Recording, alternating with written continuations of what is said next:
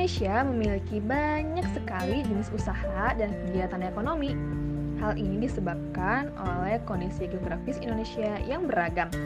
Yuk simak penjelasan berikut agar kamu bisa tahu apa saja jenis kegiatan ekonomi yang ada di Indonesia. Pertama, mari simak wawancara berikut ini.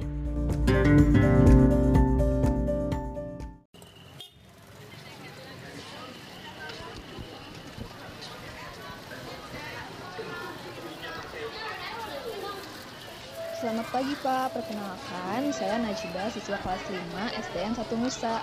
Maaf mengganggu waktunya Pak, apakah saya boleh melakukan wawancara dengan Bapak?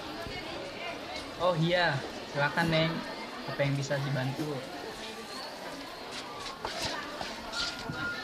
Ya, terima kasih Pak. Sebelumnya kalau boleh tahu nama Bapak siapa ya?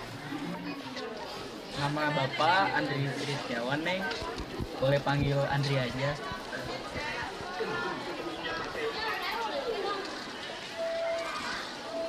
Baik Pak Andri. Kalau Bapak di pasar ini berjualan apa kalau boleh tahu? Oh, kalau saya jualan sayuran Neng. Kebetulan saya dan kerabat keluarga saya juga punya pertanian dan hasilnya langsung saya jual saya di pasar. Wah, begitu ya Pak. Eh, sayuran apa saja yang Bapak jual di pasar? Ada banyak Neng. Ada kangkung, cabe, sosin, kentang, sawi, daun singkong, sama sayur-sayuran lainnya.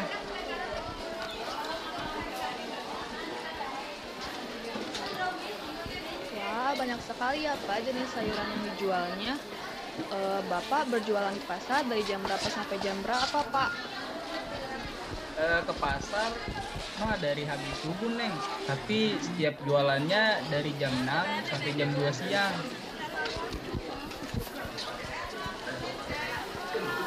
gitu ya Pak. Kalau untuk konsumen yang beli dagangan Bapak biasanya ibu-ibu ya Pak? dia tahu udah pasti sih ada yang membeli memang untuk kebutuhan mereka di rumah ada juga yang membeli di sini dan menjualkannya kembali di warungnya Oh gitu Pak. Lalu untuk penghasilan dan keuntungan penjualannya gimana Pak? ya itu mah sekitaran lah ya alhamdulillah ada rezeki mah eh, mencukupi gitu tambahan untuk kebutuhan sehari-hari. Nanti saya berjualan awalnya karena sayang saya aja gitu. Kalau pertanian kita hanya dimanfaatkan sendiri. Kan enakan kalau orang lain bisa merasakan hasil pertanian saya yang sehat dan segar gini. Akhirnya terus jualan aja gitu sampai sekarang. Wah mantap sekali Pak. Seperti berbagi rezeki dan kebahagiaan ya Pak. Oh iya Pak, izin tanya lagi nih Pak. Kalau penjual di pasar ini kebanyakannya jual apa ya Pak? Wah, banyak sekali, Neng. Ada yang menjual buah-buahan, ada tukang pisang, tukang ayam, ada juga yang jual kebutuhan untuk dijual lagi oleh pedagang-pedagang kecil, jual beras, yang jual sayuran kalau saya juga ada banyak malahan. Intinya mah di pasar kita menjual macam-macam barang lah. Hmm, iya ya Pak, sepertinya lengkap sekali ya berbelanja ke pasar tradisional. Tapi Pak, apakah semua yang eh, berjualan di pasar itu usahanya menjual barang kepada pembeli? Ya banyaknya sudah pasti berjualan atau berdagang, tapi nanti Neng juga bisa lihat ada usaha lainnya yang orang lain lakukan di pasar. Contohnya kali kuli panggul yang kerjanya menawarkan diri untuk membawa atau mengangkut barang para pembeli. Banyak juga orang-orang yang sengaja ke pasar untuk membeli atau membelanjakan pesanan dari orang lain. Oh, saya baru tahu loh Pak, ternyata tidak hanya usaha pedagang saja ya yang terjadi di pasar, tapi ada kegiatan usaha lainnya. Oke deh kalau gitu Pak, sepertinya wawancara kita sudah cukup. Nah, terima kasih ya Pak Andri sudah bersedia diwawancara oleh saya. Sangat bermanfaat dan menambah pengetahuan saya. Mohon maaf sudah mengganggu waktu Bapak. Ah, tidak apa-apa Neng, tidak mengganggu kok. Alhamdulillah kalau bisa bantu. Iya, sekali lagi terima kasih ya Pak. Kalau begitu, saya izin pamit. Semoga lancar dan jualannya laku ya Pak Andri. Assalamualaikum. Terima kasih kembali ya Neng. Waalaikumsalam warahmatullahi wabarakatuh. Nah, itu tadi contoh wawancara dengan salah satu penjual sayur yang ada di pasar yang melakukan jenis usaha dalam bidang perdagangan. Tapi tentunya tidak hanya usaha dalam berdagang, melainkan masih banyak lagi jenis dan kegiatan usaha serta ekonomi yang ada di sekitar kita. Oleh karena itu, mari dengarkan penjelasan selanjutnya ya.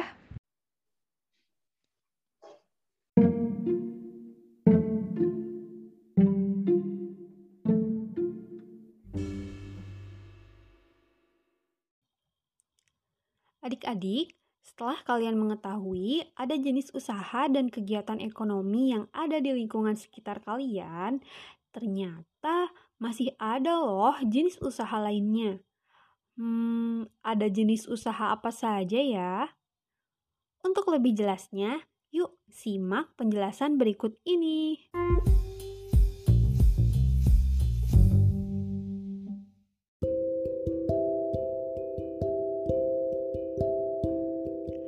Jenis-jenis usaha ekonomi masyarakat. Kondisi geografis Indonesia sangat beragam. Ada wilayah daratan, ada pula wilayah perairan. Kondisi geografis yang beragam menyebabkan beragam pula jenis kegiatan ekonomi masyarakat. Keragaman ini disesuaikan dengan kondisi alam atau geografi suatu wilayah. Kegiatan ekonomi tersebut bertujuan untuk memenuhi kebutuhan hidup masyarakat. Agar tercipta kehidupan yang nyaman, setiap penduduk perlu menghargai jenis kegiatan ekonomi penduduk lainnya. Coba kalian amati jenis kegiatan ekonomi di lingkungan daerah sekitar. Ada yang bekerja di lahan persawahan, ada yang berternak ayam petelur atau ayam pedaging, ada yang berdagang di pasar, ada yang bekerja di sektor industri, ada pula yang membudidayakan ikan di kolam. Kegiatan ekonomi masyarakat ini bertujuan memperoleh pendapatan. Kemudian, pendapatan tersebut digunakan untuk memenuhi kebutuhan hidup. Lalu, apa sih yang dimaksud dengan kegiatan ekonomi? Kegiatan ekonomi adalah semua kegiatan yang dilakukan manusia untuk memenuhi kebutuhan hidupnya. Jika dicermati, kegiatan ekonomi dilakukan dengan memanfaatkan sumber daya alam. Sebagai negara kepulauan, Indonesia dikaruniai sumber daya alam yang melimpah. Karunia ini sudah sepantasnya untuk kita syukuri dengan memanfaatkannya secara bijak. Pemanfaatan sumber daya alam tersebut dapat dilihat pada berbagai bidang usaha.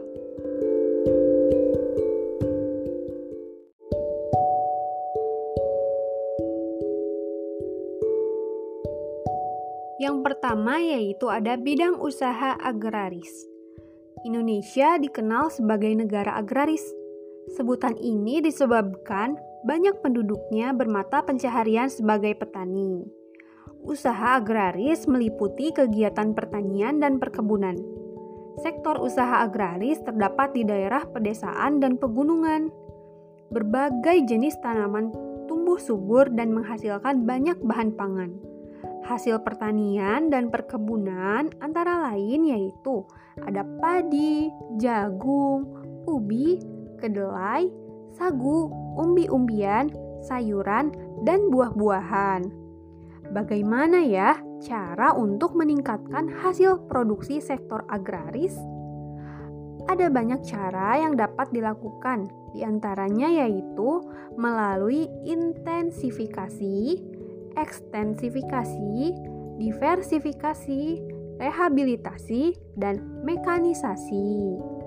Perkebunan adalah kegiatan penanaman lahan dengan tanaman keras dengan umur lebih dari enam bulan Tanaman perkebunan mencakup tanaman musiman dan tanaman tahunan. Tanaman musiman yaitu tanaman yang berumur pendek, misalnya tanaman tebu, tembakau, dan rosella. Sedangkan tanaman tahunan itu merupakan tanaman yang berumur panjang, misalnya tanaman kelapa sawit, kopi, cengkih, teh, karet, cendana, lada, dan kayu putih. hasil perkebunan di Indonesia menjadi komoditas unggulan ekspor.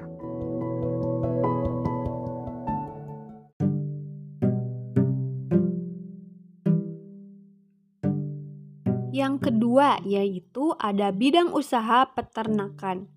Peternakan adalah kegiatan usaha budidaya hewan yang diambil hasilnya. Hasil peternakan terdiri atas daging, telur, susu, kulit, dan bulu. Jenis peternakan dapat dibedakan sebagai berikut. Yang pertama yaitu ada peternakan hewan kecil, misalnya kelinci, kambing, domba, dan biri-biri. Yang kedua, ada peternakan hewan besar, misalnya sapi, kerbau, dan kuda. Yang ketiga, yaitu ada peternakan unggas, misalnya ayam, itik, burung, dan puyuh. Kegiatan peternakan dapat dilakukan dalam skala kecil ataupun besar. Usaha peternakan skala kecil biasanya dilakukan oleh penduduk, sedangkan peternakan skala besar biasanya dikembangkan oleh pihak swasta atau pengusaha dan pemerintah. Lantas, apa sih peran pemerintah dalam meningkatkan mutu peternakan di Indonesia? Hmm, upaya yang dilakukan pemerintah antara lain memberikan bantuan bibit unggul menyediakan pakan ternak bermutu, dan memberikan penyuluhan kepada peternak.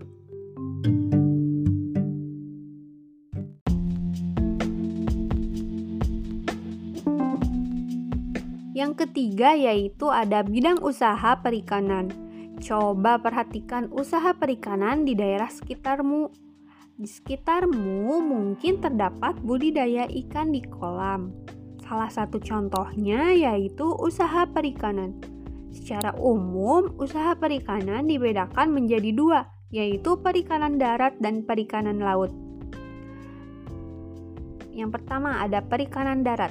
Perikanan darat merupakan usaha memelihara atau menangkap ikan di perairan darat. Perikanan darat terdiri atas perikanan air tawar dan perikanan air payau. Perikanan air tawar dilakukan di sungai, danau, rawa, waduk atau bendungan, empang, sawah, dan kolam. Jenis ikan yang dibudidayakan biasanya yaitu lele, nila, mujair, gurami, dan mas. Sedangkan perikanan air payau dilakukan di tambak di pinggir pantai. Jenis ikan yang dibudidayakan biasanya yaitu ikan bandeng. Nah, yang kedua ada perikanan air laut, yaitu usaha untuk menangkap ikan di pantai atau laut. Di Indonesia, usaha penangkapan ikan di laut dilakukan oleh nelayan tradisional. Saat musim ikan, nelayan akan memperoleh banyak hasil tangkapan. Laut juga menghasilkan udang, kerang, rumput laut, mutiara, dan garam. Selain untuk keperluan penduduk, hasil tangkapan ditunjukkan untuk ekspor. Nah,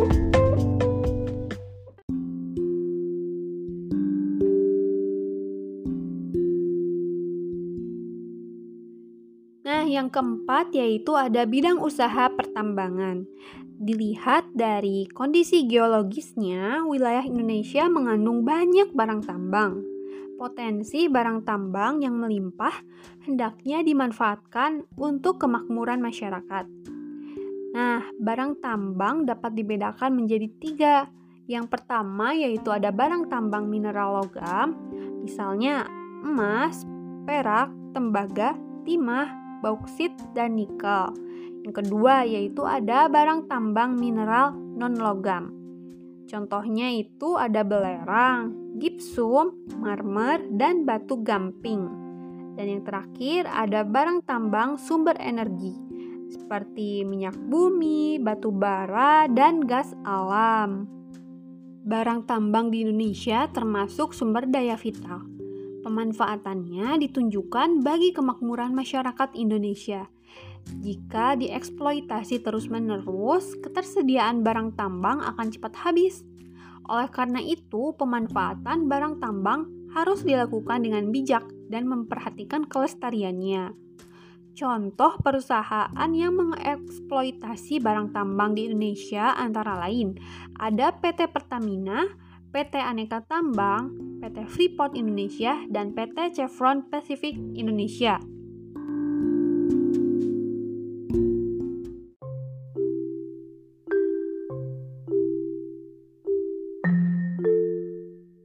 Nah, selanjutnya yang kelima yaitu ada bidang usaha kehutanan. Dahulu, hutan Indonesia itu bagaikan hamparan karpet hijau jika kita lihat dari udara. Hutan Indonesia berperan penting sebagai paru-paru dunia. Hutan juga berfungsi sebagai tempat berkembangnya fauna. Dari segi lingkungan, hutan menjadi daerah resapan air hujan. Namun, sayangnya, saat ini luas hutan di Indonesia semakin sempit. Tidak terlihat lagi seperti hamparan karpet hijau dari udara ketika melintasi wilayah Indonesia. Ini tidak lepas dari alih fungsi lahan hutan untuk kawasan pemukiman dan perkebunan. Lantas, apa sih akibat dari menyempitnya kawasan hutan di Indonesia? Kondisi ini dapat menyebabkan bencana banjir bandang ataupun tanah longsor. Untuk meminimalisasi terjadinya bencana, kawasan hutan perlu dihijaukan kembali. Pembalakan liar harus dicegah agar hutan tidak semakin rusak. Jika hutan Indonesia kembali hijau, hasil hutan kembali melimpah Hasil hutan Indonesia biasanya antara lain yaitu kayu jati, meranti, ulin damar, dan rotan. Sungguh banyak ya hasil dari hutan di Indonesia.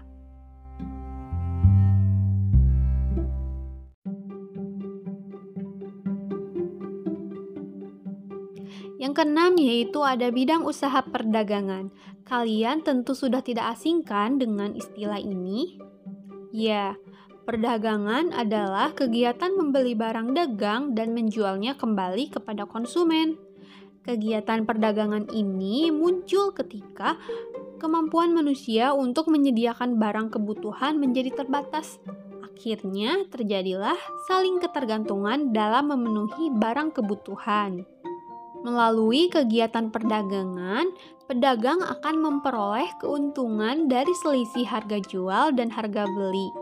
Kegiatan perdagangan tidak hanya mencakup satu daerah atau satu negara saja, akan tetapi kegiatan perdagangan dapat dilakukan antar negara. Secara ekonomi, kegiatan perdagangan antar negara ini ditandai dengan istilah ekspor-impor. Ekspor adalah usaha menjual barang dari dalam negeri ke pasar luar negeri, sedangkan impor adalah usaha untuk memasukkan barang dari negara lain ke pasar dalam negeri.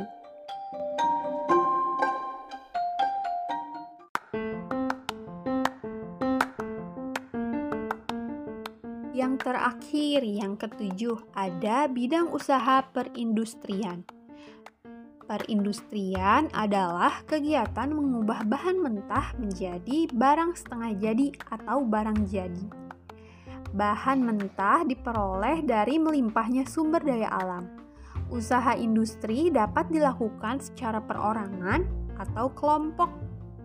Usaha industri dapat dikelompokkan menjadi industri rumah tangga atau home industry, industri sedang, dan industri besar.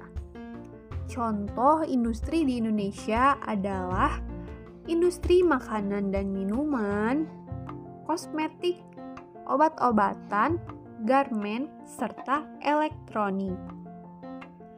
Itu tadi jenis-jenis bidang usaha ekonomi yang ada di Indonesia.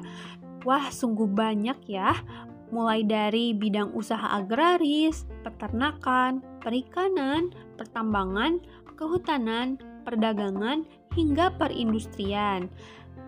Semoga dengan penjelasan tadi kalian bisa membedakan ya jenis bidang usaha yang ada di lingkungan sekitar kalian.